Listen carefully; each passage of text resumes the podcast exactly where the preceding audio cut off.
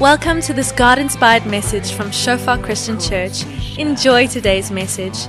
May you experience the presence of our Father and may you grow deeper in your relationship with Him.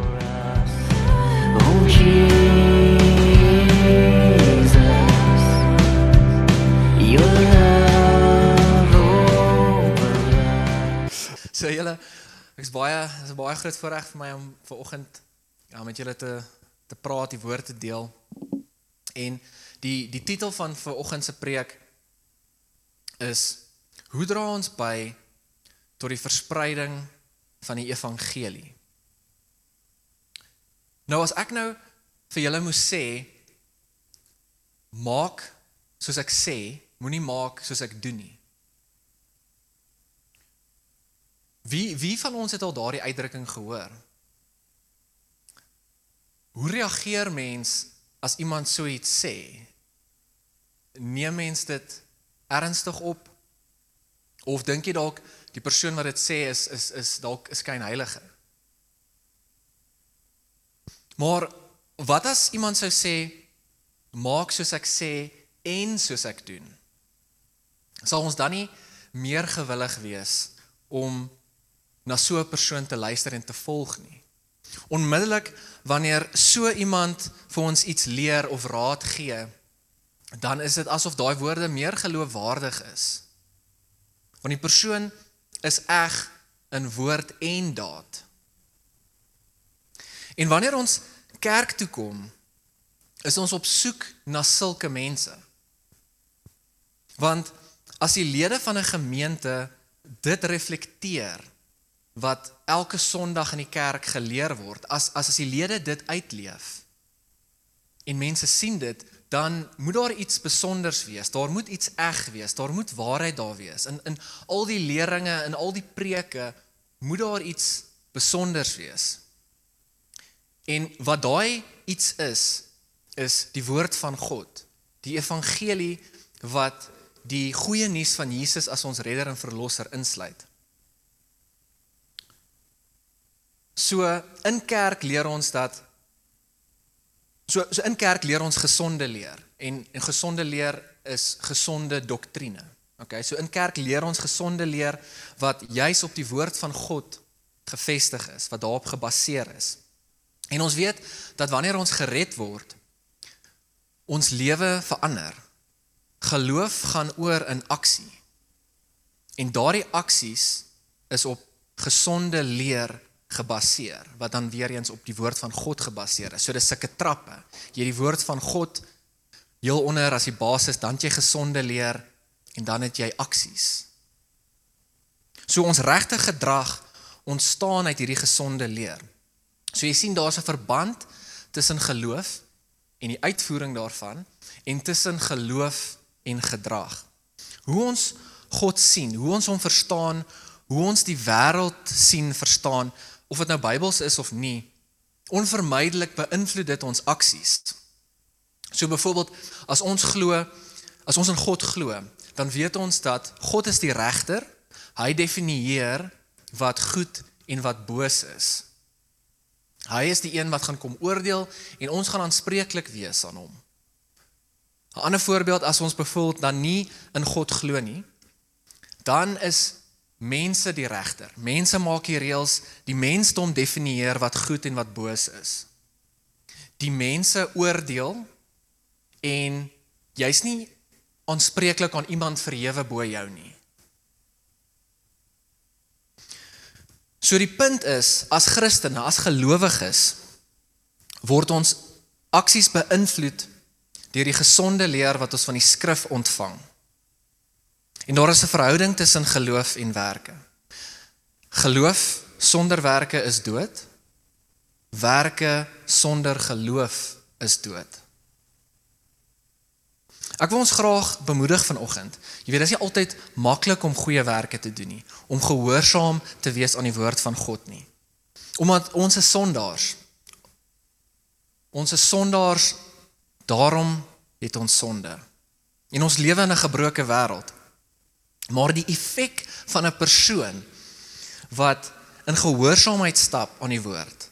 Die effek wat daai persoon het aan die verspreiding van die evangelie is merkwaardig. En Titus 2 sal ons help om te sien hoe groot 'n rol ons elkeen het om te speel in die verspreiding van die evangelie. So die stelling van vanoggend is as ons gedrag op gesonde leer gebaseer is, sal ons tot die verspreiding van die evangelie bydra. So kom ek verduidelik net weer net gou hierdie terme. So wat is gesonde leer? Hoe lyk dit? Kan mens dit eet? Gesonde leer is al die leringe, al die leerstellings, die lesse wat ons in die Bybel vind. Gesonde leer hou Jesus Christus sentraal.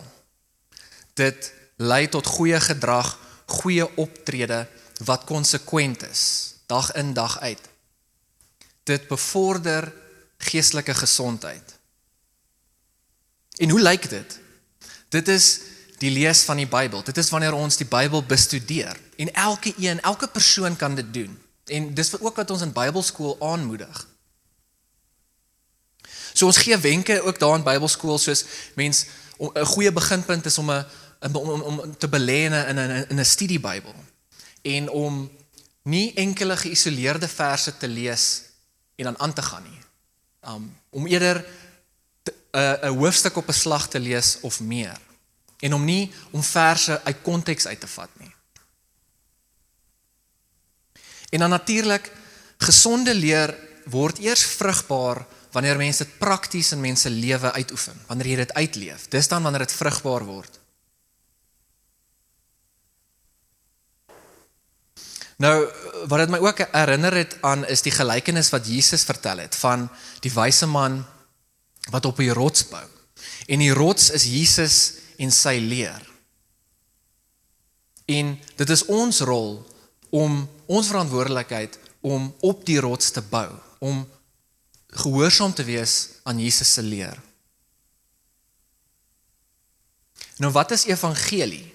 So oor die algemeen die evangelie verwys na die hele die hele skrif, die Bybel, maar spesifiek verwys dit na die goeie nuus van Jesus as ons verlosser en ons redder. Dit is die woord van God met Jesus as die fokuspunt. En dit is waarop ons gesonde leer gebaseer is. So gedurende die preek as ek praat van die evangelie, verwys ek na die hele woord, die Bybel. En voordat ons aangaan, kom ek open net vir ons in gebed.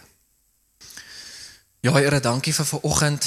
Dankie net vir u woord wat lewe gee, Here. Dankie net vir u genade met ons, Here. Um ja Here dat u ons so lei Dankie net vir vir u liefde. Ja Here Jesus, u is ons redder soos ons gesing het vanoggend, Here. U is u is ons wonderlike redder. Heilige Gees, ons kom nooi u in in ons huise in. Kom praat met ons in ons harte. Um, kom kom vul ons, kom kom regtig lei ons aan en en en en ja, maak ons oë oop vir u, Here. Ons is afhanklik van u, ons het u nodig. Laat u wil geskied. Ek bid dit so in Jesus naam. Amen. OK, so vandag lees ons uit die boek van Titus en dit mag dalk bietjie van 'n verborgde of 'n onbekende boek wees. Maar ek wil net dit sê voordat ons begin.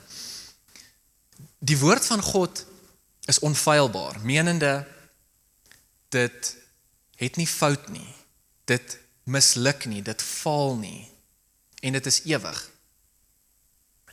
Die woord het ook goddelike gesag want dit is God se woord, dit kom van God af en dis voldoende. Dit is genoegsaam vir ons. Dit is al wat ons nodig het om die Here waarlik te ken. En as jy ver oggend sit en en wonder wat die Here se wil is vir jou, dan is die beste beginpunt, die enigste ding wat jy werklik nodig het, is die Bybel. Dit is goed om om boeke te lees van John Piper en Francis Chan en daai ouens, maar dit kom nie naby aan die Bybel nie. En as mens 'n punt bereik waar jy eintlik meer sulke boeke lees as die Bybel, is dit nie 'n goeie plek om te wees nie.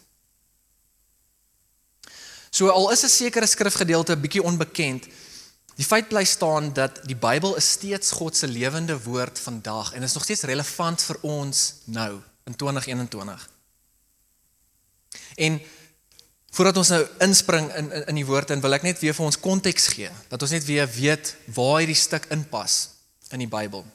So die apostel Paulus het hierdie pastorale brief aan sy leerling, sy medewerker en een van sy naaste vriende Titus geskryf. En hy het dit geskryf in ongeveer 64 AD.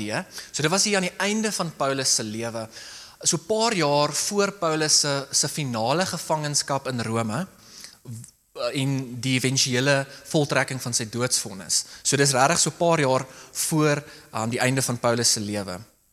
En vroeër was Paulus op een van sy sendingsreise en hy en Titus het 'n paar kerke op die eiland van Kreta gestig. Nou Kreta is 'n is 'n eiland in die Middellandse See suid van Griekeland.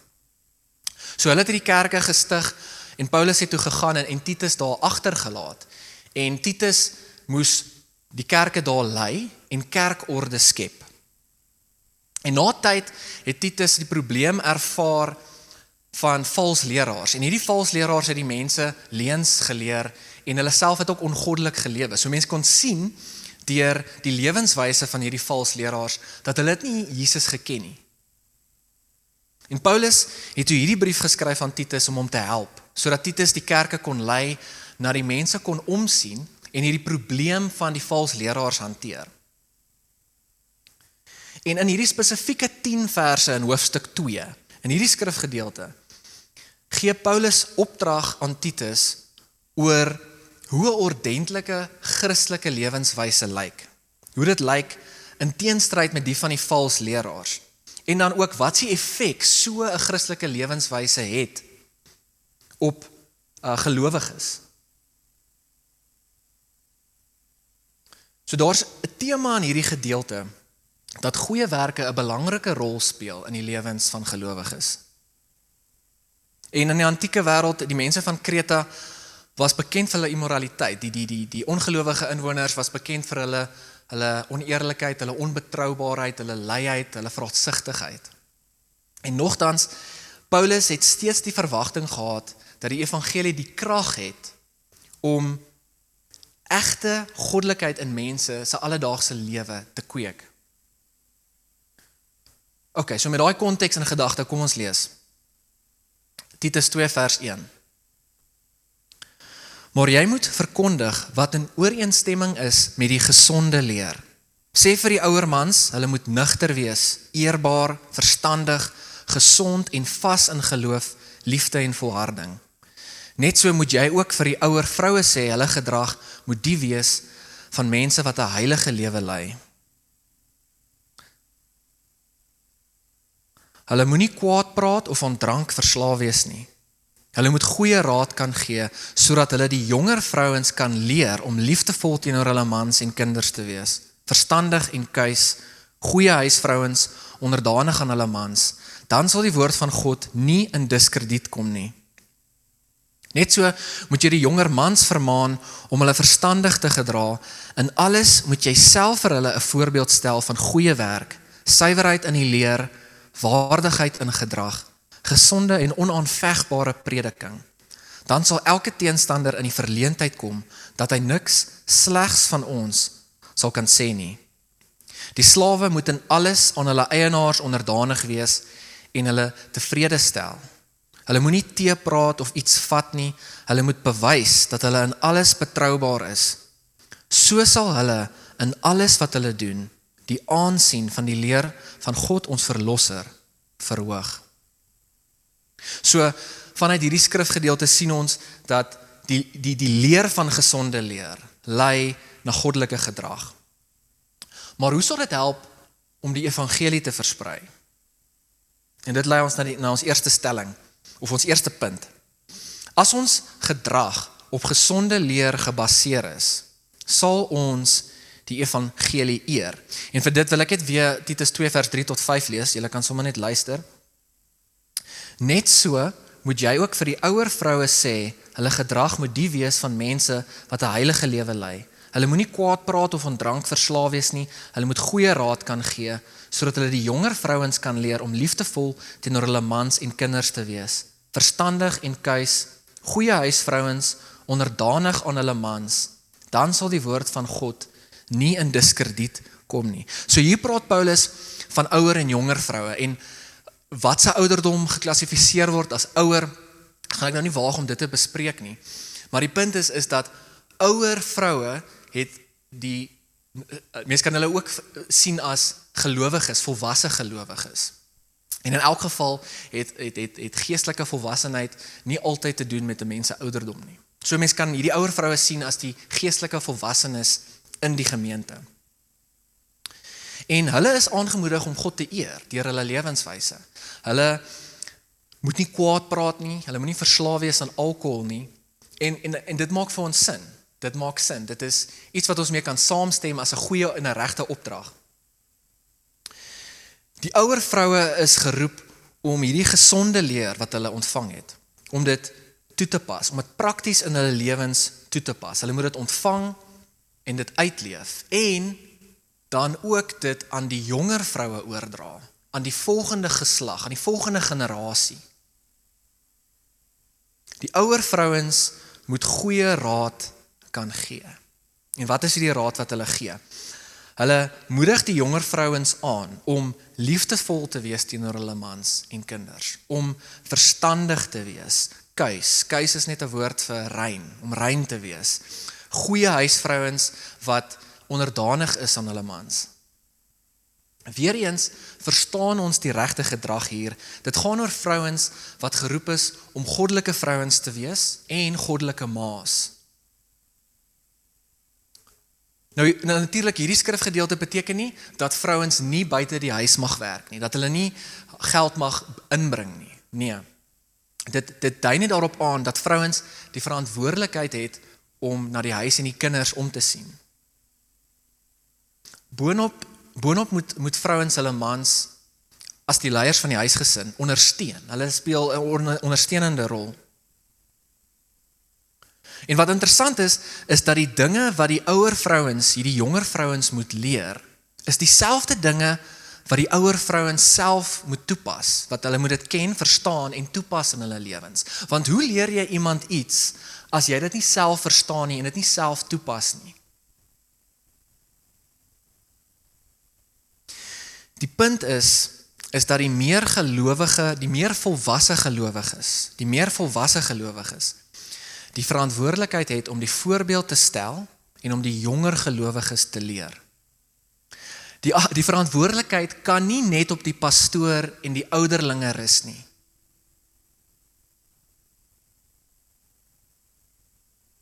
Verder is dit dan die verantwoordelikheid van die jonger vroue om hierdie leer van die ouer vroue te aanvaar, om dit te ontvang en dit natuurlik dan ook self toe te pas.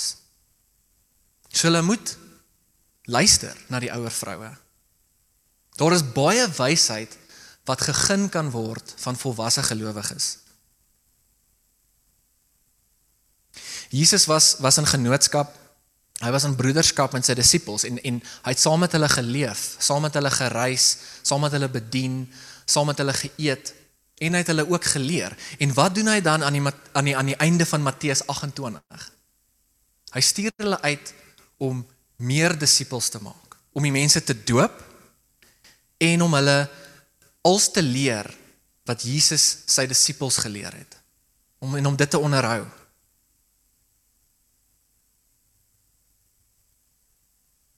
So om goddelik te lewe is op die fondasie van gesonde leer gefestig, maar dit vind plaas binne die omgewing van verhoudings soos verhoudings tussen Jesus en sy disippels, die verhoudings tussen die ouer en die jonger vroue. Elke ouderdom en geslagsgroep het 'n rol om te speel. Hulle het hulle eie lesse om te leer en hulle eie dinge wat hulle moet implementeer of uitoefen in hulle lewens.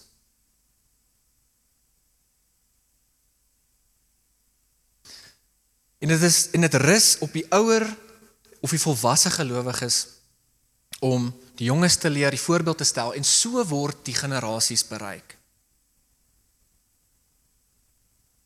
En hierdie word gedoen in genootskap, in gemeenskap, in in ons gemeente. Dit sien ons in accountability groepe of aanspreeklikheidsgroepe. Dit is wanneer ons saam die Bybel lees, wanneer ons dit saam bespreek, wanneer ons saam bid. Dit gebeur in ons selgroepe, dit gebeur in die kerk, dit gebeur in ons huise, dit gebeur by die werk. Nou nou nou, nou nadat ons al hierdie dinge bespreek het, moet ons onsself afvra, hoekom is dit belangrik? Wat is op die spel? Ons lees dit aan die einde van vers 5. Dan sal die woord van God nie in diskrediet kom nie. Dis as ons gedrag op gesonde leer gebaseer is, sal ons die evangelie eer. Dit sal nie in diskrediet kom nie. Nou hoe anders kan ons help met die verspreiding van die evangelie? Dit lei ons na die tweede punt. As ons gedrag op gesonde leer gebaseer is, sal ons die evangelie se teenstanders stil maak. En hierso gaan ek net weer vir ons 'n paar verse uit Titus uit lees. Julle kan maar net luister. Maar jy moet verkondig wat in ooreenstemming is met die gesonde leer. Sê vir die ouer mans, hulle moet nugter wees, eerbaar, verstandig, gesond en vas in geloof, liefde en volharding. En dan in vers 6 Net so moet jy die jonger mans vermaan om hulle verstandig te gedra. In alles moet jy self vir hulle 'n voorbeeld stel van goeie werk, suiwerheid in die leer, waardigheid in gedrag, gesonde en onaanvegbare prediking, dan sal elke teenstander in die verleentheid kom dat hy niks slegs van ons sal kan sê nie. So soos die geval met die vrouens word die ouer mans, die volwasse gelowige mans word hulle nou bemoedig en en aangemoedig om die evangelie wat hulle ontvang en geleer het ook uit te leef. Die ouer man self is bemoedig om nugter eerbaar en verstandig te wees om gesond en vas in liefde, geloof en volharding te wees. Hulle is basies geroep om 'n lewendige geloof te hê en 'n diep gewortelde liefde en 'n diep gewortelde uithoudingsvermoë te hê. Jy sien, soos die ouer volwasse vrouens is hierdie ouer mans veronderstel om die morele en geestelike voorbeelde te wees vir hierdie jong mans. Die die, ouer mans, hulle is die verantwoordelike en wyse ouens. En weer eens gee Paulus vir Titus en indirek die ander ouer mans die opdrag om die jong mans te leer om verstandig te wees. Hierdie jong mans moet selfbeheersing in hulle lewens toepas.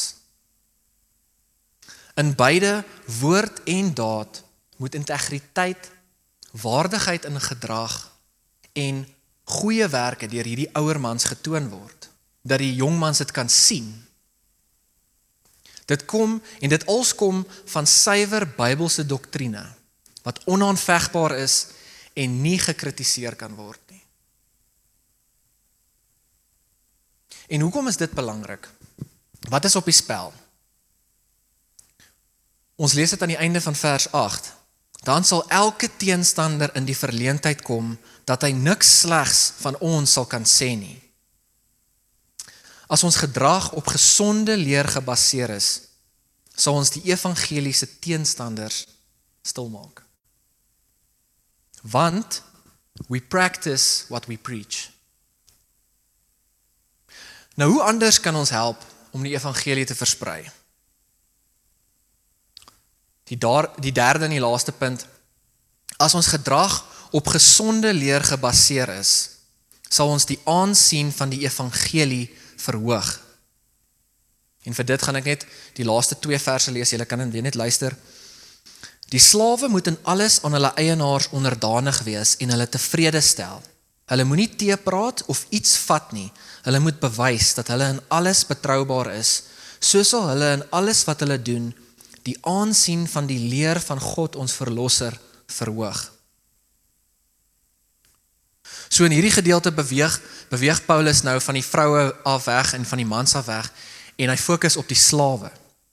En hulle word aangemoedig om onderdanig te wees aan hulle eienaars, om om hulle eienaars tevrede te stel, om nie te te praat of iets te steel nie, om betroubaar te wees.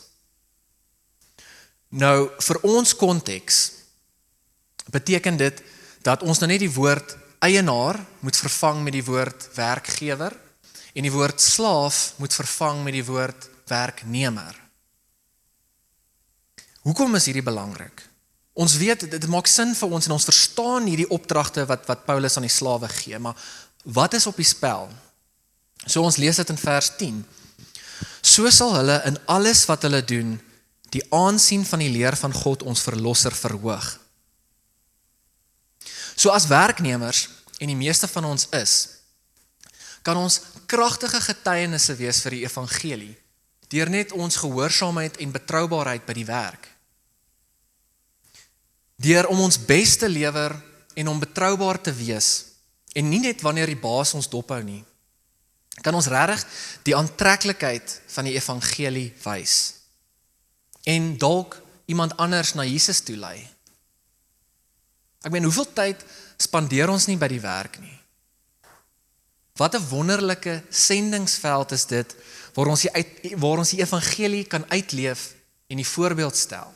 Nou ek weet natuurlik in vandag se tyd het ons die uitdaging veral vir van baie vir, vir baie van die mense wat van die huis af werk dat ons net nie meer so baie interaksie direk met mense het nie. En ons moet bietjie gaan dink daaroor en naar gaan bid oor hoe kan ons nog steeds daai interaksie met mense hê oor Teams of oor Zoom. Maar nog steeds kan mens mense beste lewer in mense werk en betroubaar wees. En nog steeds jou werk goed doen en so die evangelie uitleef. Soos ek vroeër gesê het, almal is op soek na die waarheid. Mense wat eg is in woord en daad. Almal is op soek na waarheid, na absolute waarheid na mense is op soek na the real thing.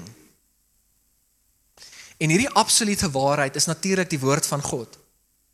Dit kan 'n mens se lewe verander, mense gedrag, mense optrede. En deur om die woord van God, daai doktrine te ontvang en dit uit te leef, kan mense dit sien. So as ons gedrag op gesonde leer gebaseer is, sal ons die aansien van die evangelie verhoog. Ten slotte gesonde leer lei tot gesonde gedrag en optrede en dit bewys die evangelie. So dit maak nie saak of jy 'n man of 'n vrou, oud of jonk, 'n werknemer is of iemand wat by die huis af werk nie. Hoe ons lewe, die manier hoe ons lewe kan help om die evangelie te versprei wanneer ons dit eer wanneer ons sy teenstanders stil maak en wanneer dit ongelowiges aantrek. Maar dit begin by gesonde leer. Kom ons neem wat ons leer van die skrif en hardloop daarmee. Ons kan nie verwag dat net Brown en sekere van die ander leiers hierdie gesonde leer aan ander oordra en die voorbeeld wees nie. Ons elkeen het 'n rol om te speel om ander te leef en om die voorbeeld te stel. Kom ons aanvaar die verantwoordelikheid. Ons doen dit nie alleen nie. Ons is in 'n gemeente wat in eenheid is. Laat ons daardie persoon wat ons op ons harte het met ons saamneem en saam die pad stap om die Bybel te bestudeer.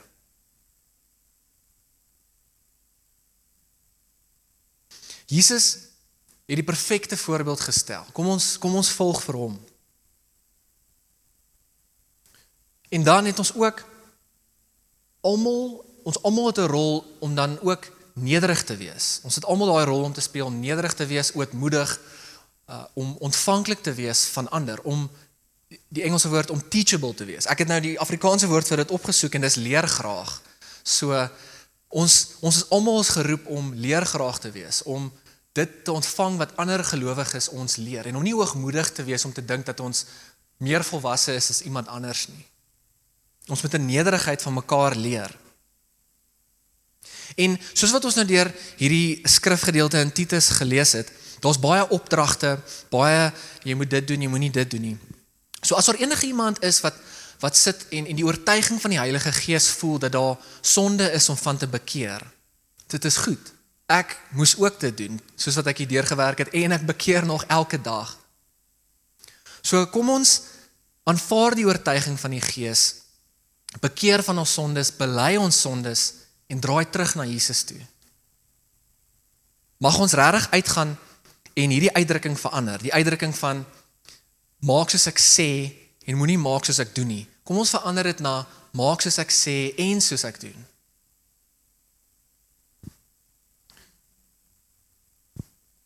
Ek gaan vir ons afsluit in gebed en dan gaan julle in in in breakout rooms verdeel en dan kan julle net lekker gesels oor wat vir julle uitgestaan het in hierdie skrifgedeelte. Kom ons sluit die oë.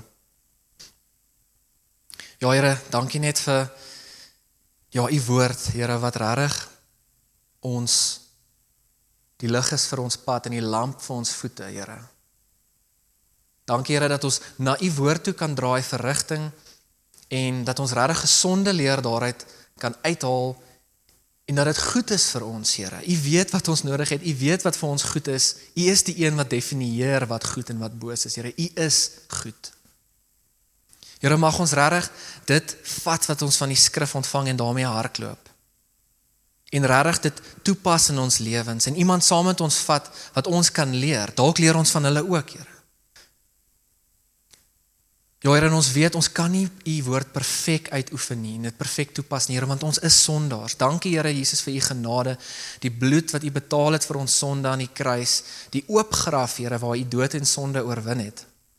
En dat ons regtig kan kan stap met u wat wat langs ons gejuk is, Here Jesus. Ons wil u volg. U was die perfekte voorbeeld. Mag ons nederig bly en ontvanklik aan ander se leer en mag ons regtig groei in geestelike volwassenheid. Mag ons groei in die woord en vrugte dra vir u glorie en vir u koninkryk. Here ons loof u vir vir wie u is en wat wat u doen, Here. En dankie vir u woord wat altyd wat ewig is en altyd relevant is vir ons, selfs in 2021. Ons loof u in Jesus naam. Amen.